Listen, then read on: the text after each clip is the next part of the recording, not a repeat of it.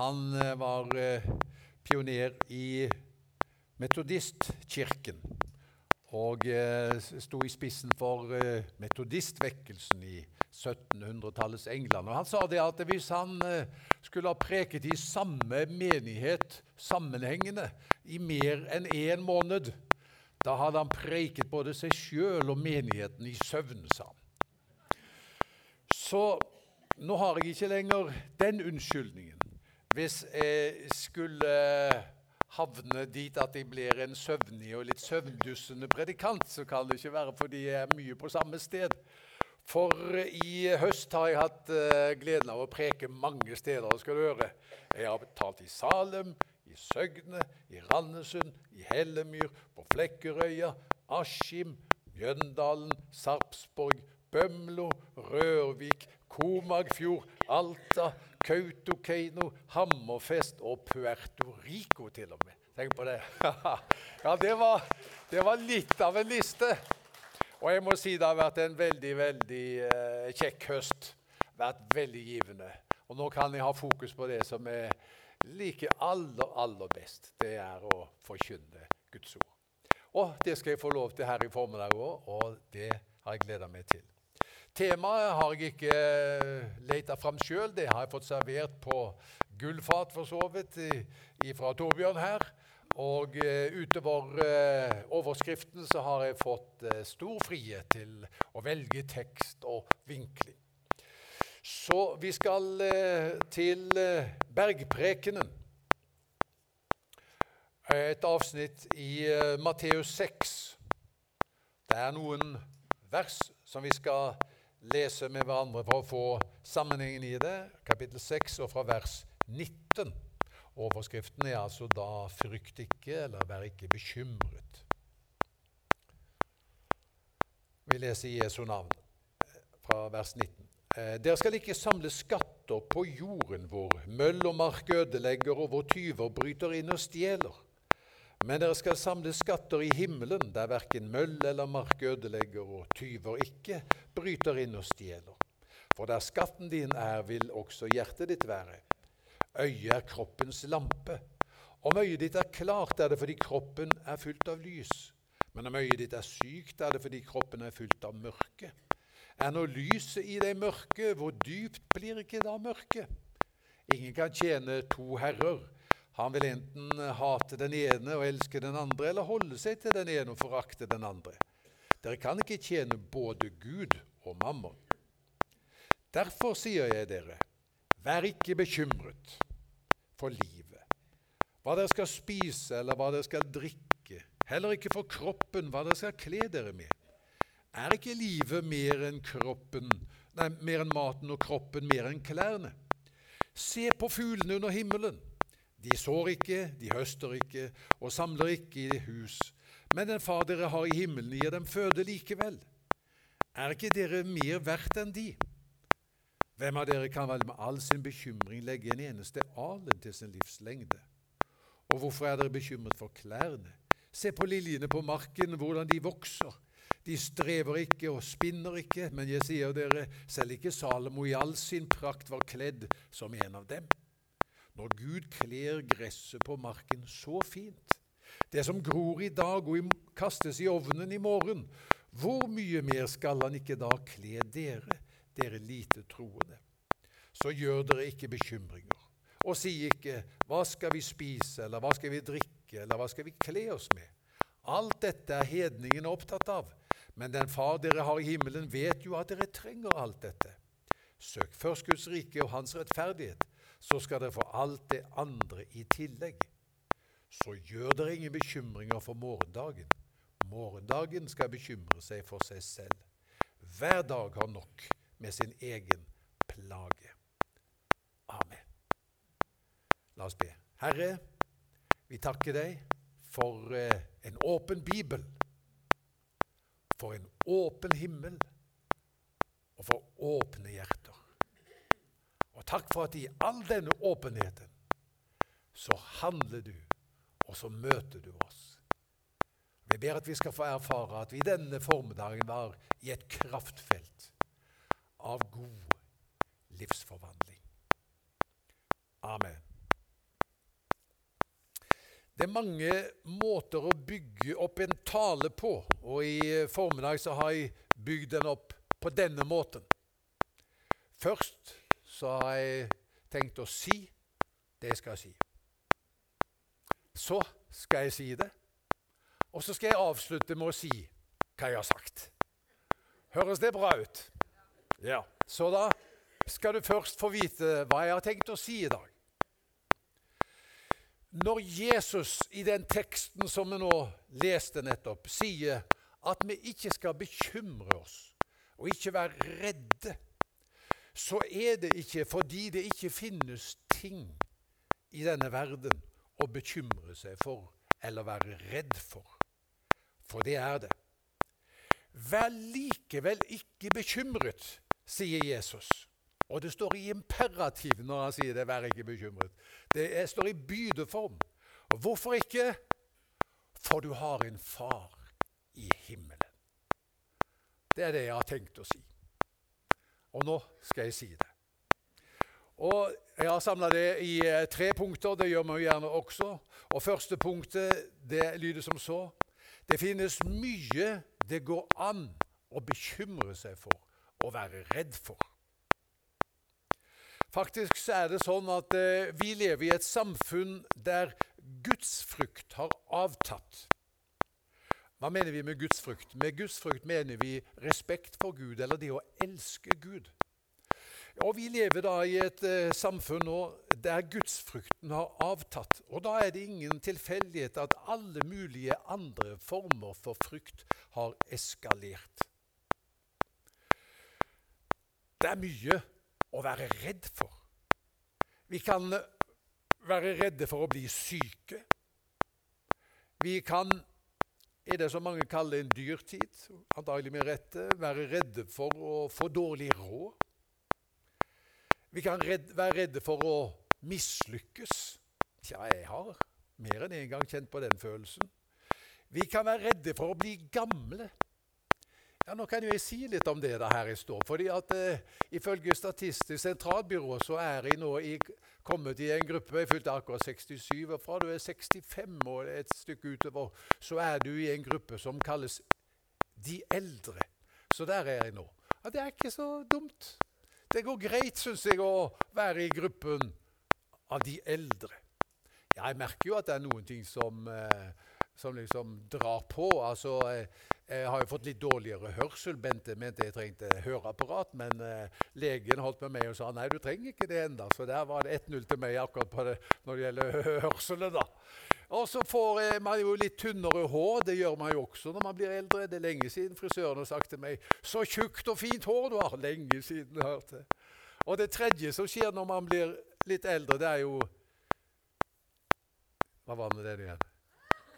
Nei, da har jeg sannelig glemt det. ja, ja, du har hørt den. Det er jo det med hukommelsen, da. At det, vi har litt lengre leveringstid på ting. Navn, f.eks. Det, det kommer, men det er litt leveringstid på det. Men altså, bortsett fra det, da, så det å bli eldre det er jo ikke så skummelt, syns jeg. Jeg må kunne stå her som et vitnesbyrd om det. Ellers kan vi være redde for døden. Ja, det er jo en greie. Jesus har sånn sett tatt bort frykten for døden òg. Eh, vi kan være redde for ensomhet bli avvist, redde for å rote ting til, redde for å tale offentlig. Noen har flyskrekk. Noen er redde for høyder, sprøyter, lukkede rom. Hva heter det hvis du er redd for lukkede rom? Klaustrofobi. Ja, jeg har hatt det et par ganger. Vi var i en heis i Chicago, glemmer det ikke. Det var Bente, og det var Christian, og det var Miriam, og det var Jeg vet ikke om Angela var født, antagelig ikke, og Jon David, og så var det noen flere. Og det var en liten heis, og den gikk så sakte. Og vi skulle opp til verdens høyeste eh, tårn eh, i, i et kirkebygg. Da kjente jeg på det der, gitt. Jeg tror det var første gang i mitt liv. Det var varmt da. Og jeg kjente håper vi snart kommer fram. Nå besvimer jeg. Det gikk fra. Så vi kan være redd for lukkede rom, for slanger, hårløse hunder, edderkopper. Jeg har til og med lest at noen har frykt for makrell i tomat. Ja, jeg har lest det. Så Det er mange ting vi kan være redde for i denne verden. Det er ingen tvil om. Og millennials, det er ikke så mange av dem her i dag. Millennials, De som er født mellom 1981 og 2000. Noen? Ja, I går talte jeg til flere i går kveld her. De kalles faktisk generasjon frykt. Det er ikke et navn jeg har funnet på, men, men det er sosiologer antagelig, eller psykologer jeg vet ikke, som sier millennials generasjon frykt.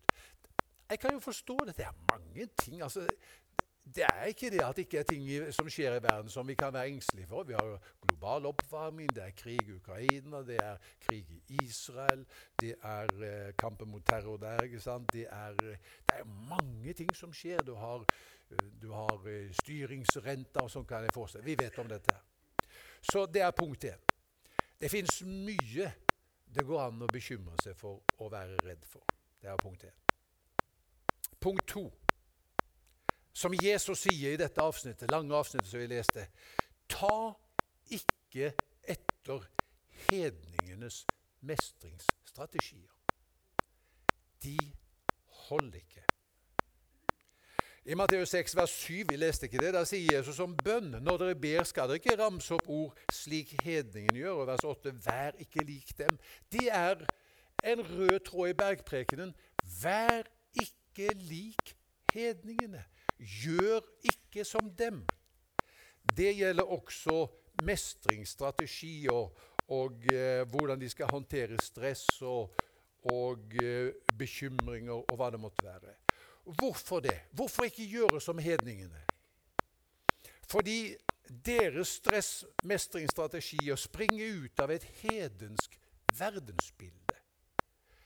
Et hedensk paradigme og virkelighetsforståelse. Ja, Det var litt mange vanskelige ord på en gang. Vi bruker jo ikke de ordene der så mye. Verdensbilde, virkelighetsforståelse, paradigme og et hedensk eller ikke-kristent sånt, hva mener vi med det? Jo, et verdensbilde eller en virkelighetsforståelse. Det er de brillene som vi tar på oss når vi skal forstå og tolke virkeligheten. Prøve å få en slags mening ut av tilværelsen. Og alle mennesker uten unntak har et verdensbilde. En virkelighetsforståelse, et paradigme, en måte å tolke verden på. Det finnes kanskje tre store sånne virkelighetsbilder. Det ene er Østens virkelighetsbilde, der hinduismen er en stor leverandør. Og Det kunne være interessant å gå inn på det, men de mest vanlige likevel her på berget som vi møter av virkelighetsforståelse, det er den jødisk-kristne virkelighetsforståelsen. Og så er det den rent sekulære virkelighetsforståelsen. Det er to helt forskjellige måter å se verden og tolke verden på. De står i skarp motsetning til hverandre. For mange år siden leste jeg om Hudson Taylor. Han var pionermisjonær i Kina. Og Han hadde en trosbekjennelse Hudson Taylor, som ga uttrykk for en jødisk-kristen virkelighetsforståelse. Eh, den er ikke uttømmende på noen måte, for det er mye mer som skulle være sagt om det. Og En dag så har jeg lyst til å holde en tale kanskje her i Salem og jeg vet ikke, om ulike virkelighetsforståelser. Det er så viktig å få grep om dette. Men Hudson Taylor sa Han hadde liksom en trosbekjennelse i fire punkter som sa det fins en Gud. Det er punkt én. Punkt to. Han har talt til oss i sitt ord. Punkt tre. Han mener det han sier. Punkt fire han vil gjøre det han lover. Det er fint. Det er ført innenfor en jødisk-kristen ramme. Ok, Hvis vi nå tar på oss noen andre briller Nå kan jeg jo illustrere dette her med å bytte briller her et lite øyeblikk. Hvis jeg nå tar på meg jeg tar av meg mine, for det er de brillene som jeg ser verden med, bortsett fra disse her, da, men som kan være bare et uttrykk for, det er den jødisk-kristne virkelighetsforståelsen. Hvis jeg tar av meg de nå og så tar jeg på meg noen andre briller. Og vi sier at disse brillene her, de er den rent sekulære virkelighetsforståelsen. Det er de linsene man ser og forstår verden og livet gjennom når man er en sekulær nordmann, som det er mange av, flest av, i landet vårt i dag. Hva sier man da når jeg har på meg disse brillene og ser utover verden og livet? Da sier jeg det fins ingen Gud. Han har ikke talt til oss i sitt ord. Og derfor, selvfølgelig, som en følge av de to første, han mener ikke det han sier. Han vil ikke gjøre det han lover. Og når man går med disse brillene, så er det klart at det påvirker livet kolossalt. Det fins ingen Gud. Det fins egentlig ikke noe mening bygget inn i tilværelsen heller. Her gjelder det bare å klare seg som best man kan og være sin egen lykkesmed. Det er klart det påvirker livet kolossalt også når det kommer til frykt og bekymring. For når man ikke lenger frykter Gud, da begynner man å frykte alt mulig annet. Mange av dere ser vel på Kveldsnytt skal vi se, når jeg ser utover forsamlingen. Det blir litt nærsynt forresten med disse brillene her. Uh, så hvordan er det? Hva sier programverten uh, på Kveldsnytt? Han sier, han begynner med å si, eller hun begynner med å si 'God kveld'. Og så fortsetter de med å liste opp nyhetssaker som forteller oss alle mulige grunner til at dette ikke er en god kveld. Er du ikke enig? Det er sånn det er. Så med et hedensk verdensbilde, hvilke strategier bruker man da for å skape noen grad av trygghet i livet? Og liksom sikre framtiden? Jesus sier man, Ikke direkte sitat, men, eh, men eh, liksom hvis jeg skal oppsummere det Man holder fast i noe løst. Hovedbekymringen for, for en hedning, og da snakker vi om en sekulær nordmann, er uroen for framtiden. Jesus sier man gjør seg bekymringer for morgendagen. Hva skal vi spise? Hva skal vi drikke? Hva skal vi kle oss med? Han sier alt dette er hedningene opptatt av. Og hvilken strategi har man for å møte dette? Jo, Jesus sier man samler seg skatter. Det er eneste måten å trygge framtiden på. Man må samle seg skatter. Og da er det at Jesus sier ikke rart at dere er bekymret og redde. For det å samle seg skatter er ikke en solid nok grunn å bygge livet på. For Jesus sier møll og mark ødelegger. Tyver bryter inn og stjeler. Det er ikke trygt nok. Jesus sier på en annen måte om hedningene, og det gjelder sekulære nordmenn òg, man har mammon til Gud. Hva er mammon? Ja, mammon det betyr egentlig det man stoler på, annet enn Gud. Det har oftest referanse til penger, men det kan bety alt annet i livet som man fortøyer det til og forankrer det til utenom Gud. Det kan være jobben. Altså, jeg er trygg for framtiden, for jeg har en jobb. Eller det kan være andre mennesker. Jeg er trygg for framtiden, for han er jo der, eller hun er jo der, eller de er jo der. Men hva vet vi om mammon, dere? Mammon er ikke evig. Mammon er ikke allvitende, ikke allestedsnærværende, ikke allmektig. Mammon er ustabil. Så hvis man knytter sin trygghet til pengene, da henger man livet på en knagg som kan løsne fra sitt feste. Jeg vet ikke Jo, jeg vet egentlig det. Når jeg ser på dere, så kjenner jeg til det. Det er et uttrykk som har gått ut av bruk for lenge siden. Men i gamle dager Vet dere hva man sa i Norge? For å si det som, som folkeopplysning til dere på første benk. I gamle dager, vet dere hva man sa i Norge? Man sa 'sikker som banken', sa man. Har du hørt på baken? Det sa man i gamle dager. Sikker som banken. Det har man slutta å bruke. Det kom en bankkrise på 80-tallet, og siden har den ene bankkrisen og finanskrisen avløst den andre. Så å knytte sin trygghet til pengene, det er ikke det tryggeste. Hva med å knytte sin trygghet til et annet menneske, da? Ja, det er bare Jesus som kan si 'Jeg er med dere alle dager inntil verdens ende'. Jeg har forrettet i mange begravelser, og jeg vet at den som døde eller var i ferd med å skulle dø, gjerne ønsket å formidle til de pårørende. Jeg skulle ønske jeg kunne si til dere 'Jeg er med dere alle dager', inntil verdens ende, men jeg kunne ikke det. Jeg blir syk, nå skal jeg forlate dere. Det er bare Jesus som kan si 'Jeg er med dere alle dager'. Ok, Så Jesus sier det er mange ting å bekymre seg for. Det er mye å være redd for, egentlig. Men når det gjelder å håndtere det, gjør ikke som hedningene, som tenker at de kan trygge framtiden med å samle seg skatter eller stole på mammon, og mammon er da penger eller noe annet enn Gud som man stoler på. Jesus sier til disiplene sine dere må skifte fokus. Det er klart at Dere lever jo i en verden der ble påvirket av kulturen. Alle menneskene som går rundt med sekulære briller og sier det fins ingen Gud, han har ikke talt oss i sitt ord, han mener ikke det han sier, han vil ikke gjøre det han lover. Du, Ørene liksom pumpes fulle av dette hele tiden.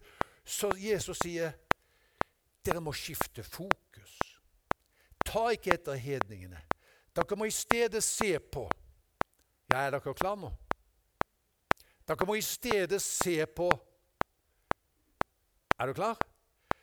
Dere må i stedet se på fuglene og liljene på marken. Ja, jeg ville også sagt Jesus, for det det man sier.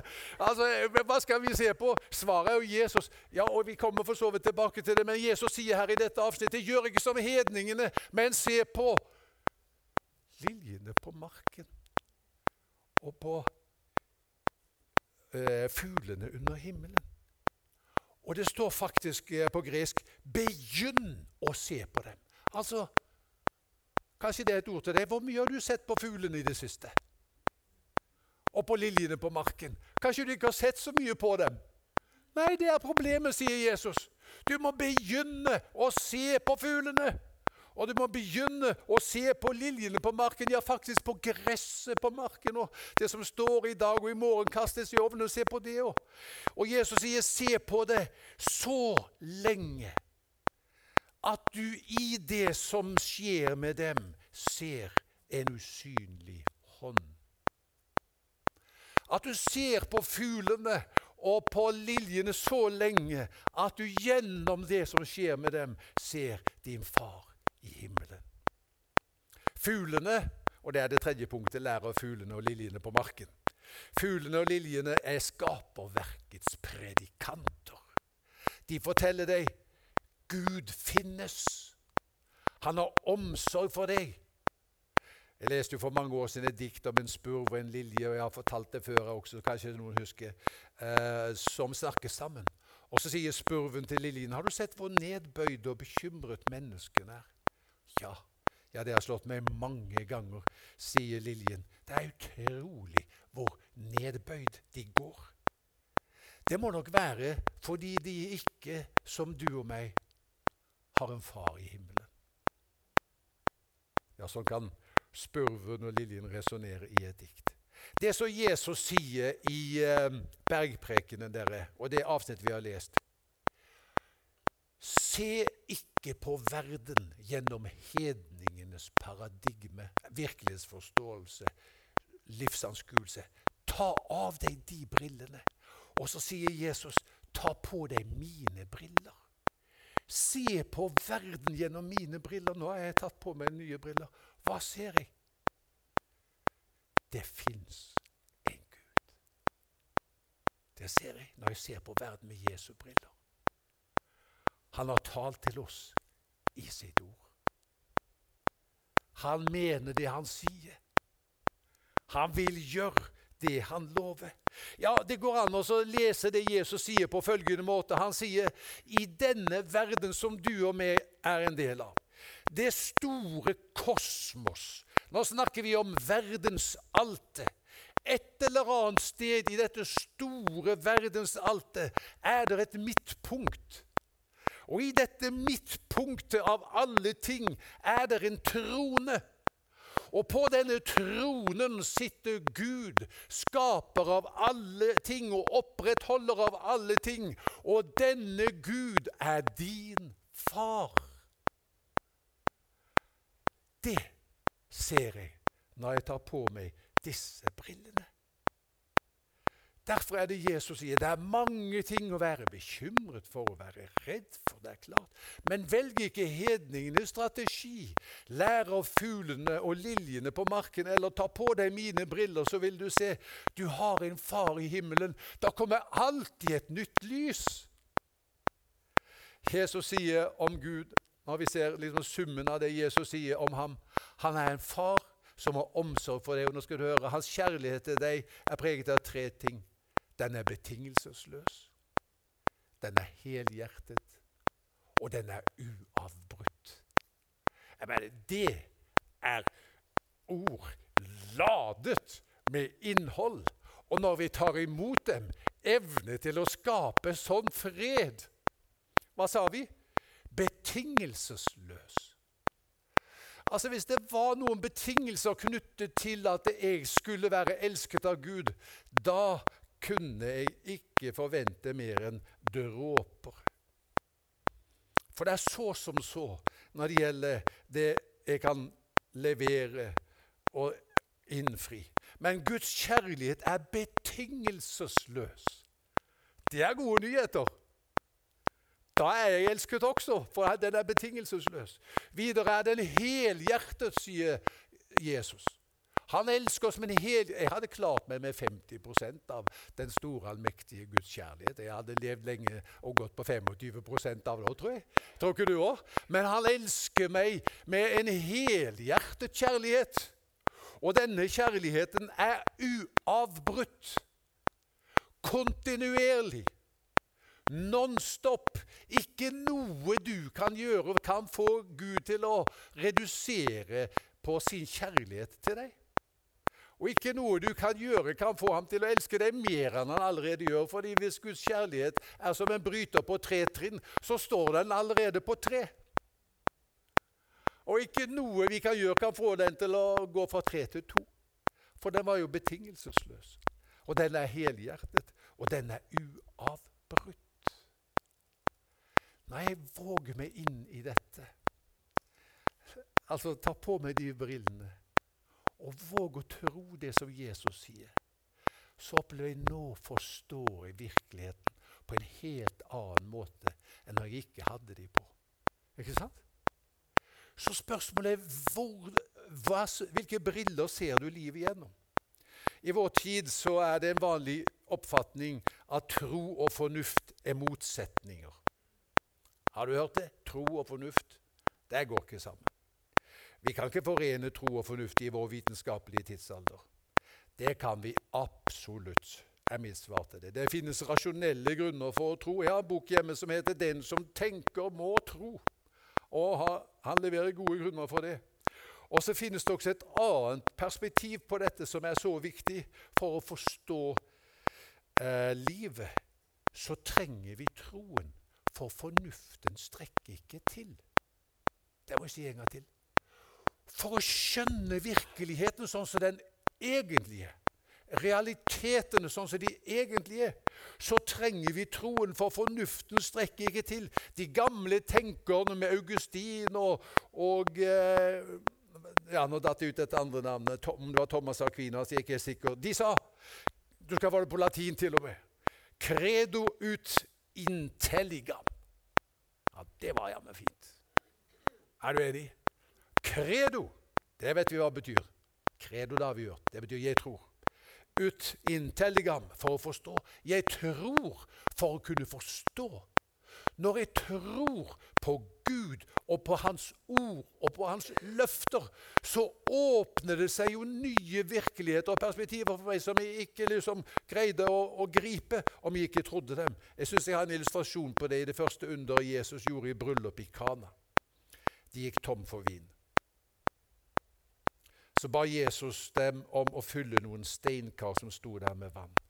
Og jeg syns jeg hører protestene. Vann! Det er jo ikke vann vi trenger. Fyll steinkaren med vann. Vi har nok av vann. Det er vin vi trenger. Hva har vann med dette å gjøre? Protestene er høylytte. Og så sier Jesus, gjør noe som jeg sier. Og Det var jo Jesu mor også som sa til de tjenerne det han sier dere, det skal dere gjøre. Det var en mors råd. Det klokeste råd en mamma kan gi til sine barn eller de rundt seg, det er å si det han sier dere, det skal dere gjøre. Så våger de å tro på Jesu ord og handle på det. Og så ser de noe som fornuften ikke kunne gripe før de trodde. Det var det at i Guds verden kan vann. Fornuften kunne aldri forstå det.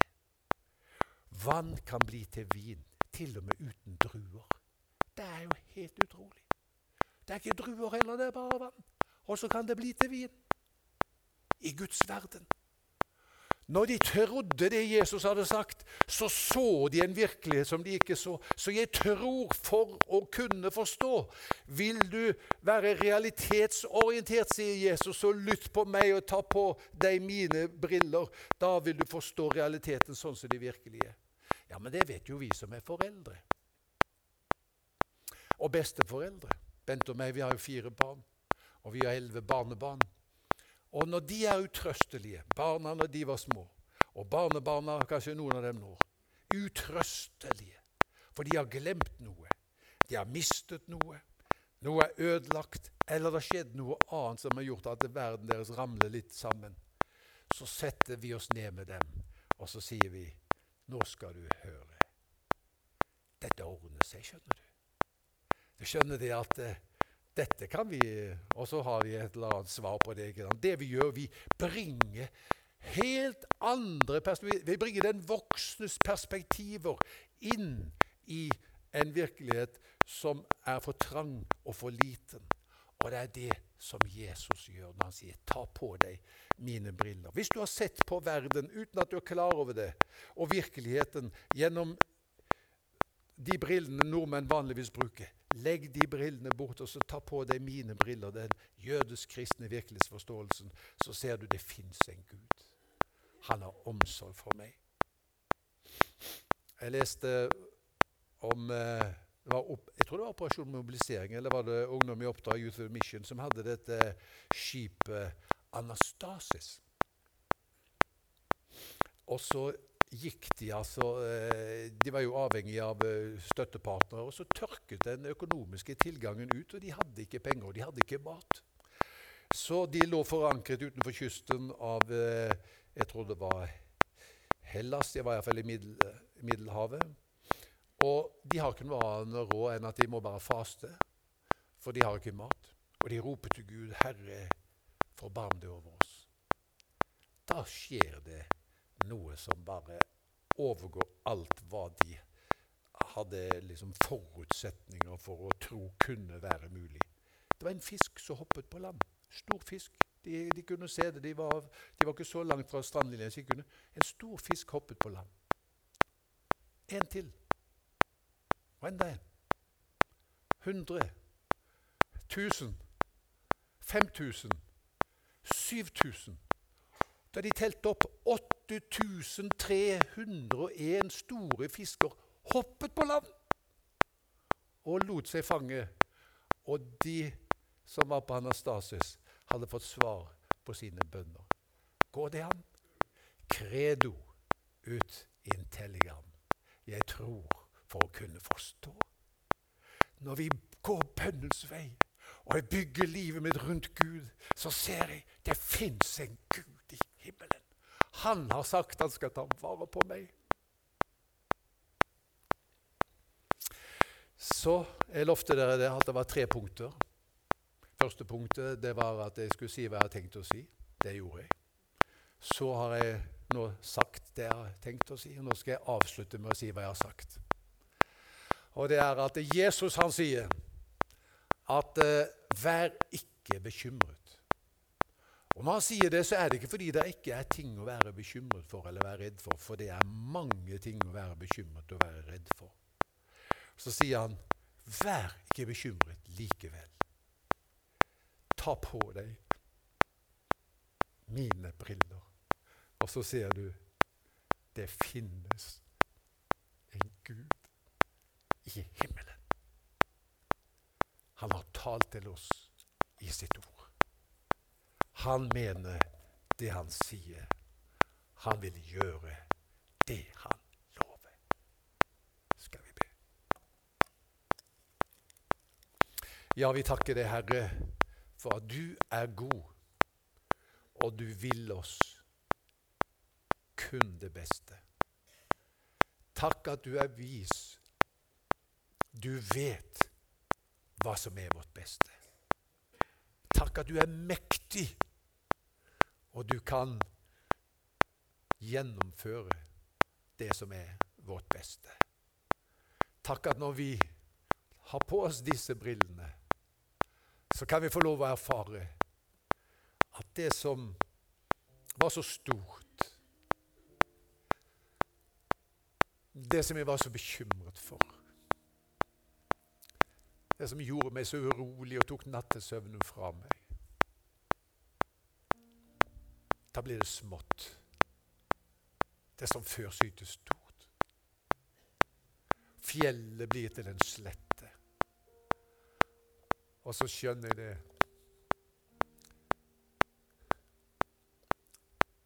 At som et lite barn legger seg til ro ved mors bryst, kan jeg få lov å legge mitt hjerte til ro ved ditt hjerte og hvile i det. Du har omsorg for meg, og du skal ta vare på både dagen i dag og morgendagen. Så vil jeg gå av da som administrerende direktør i universet. Og så vil jeg la du få lov å regjere. Du skal få være Gud. Og så vil jeg innta min plass som menneske. Men ikke bare som menneske, men som ditt elskede barn.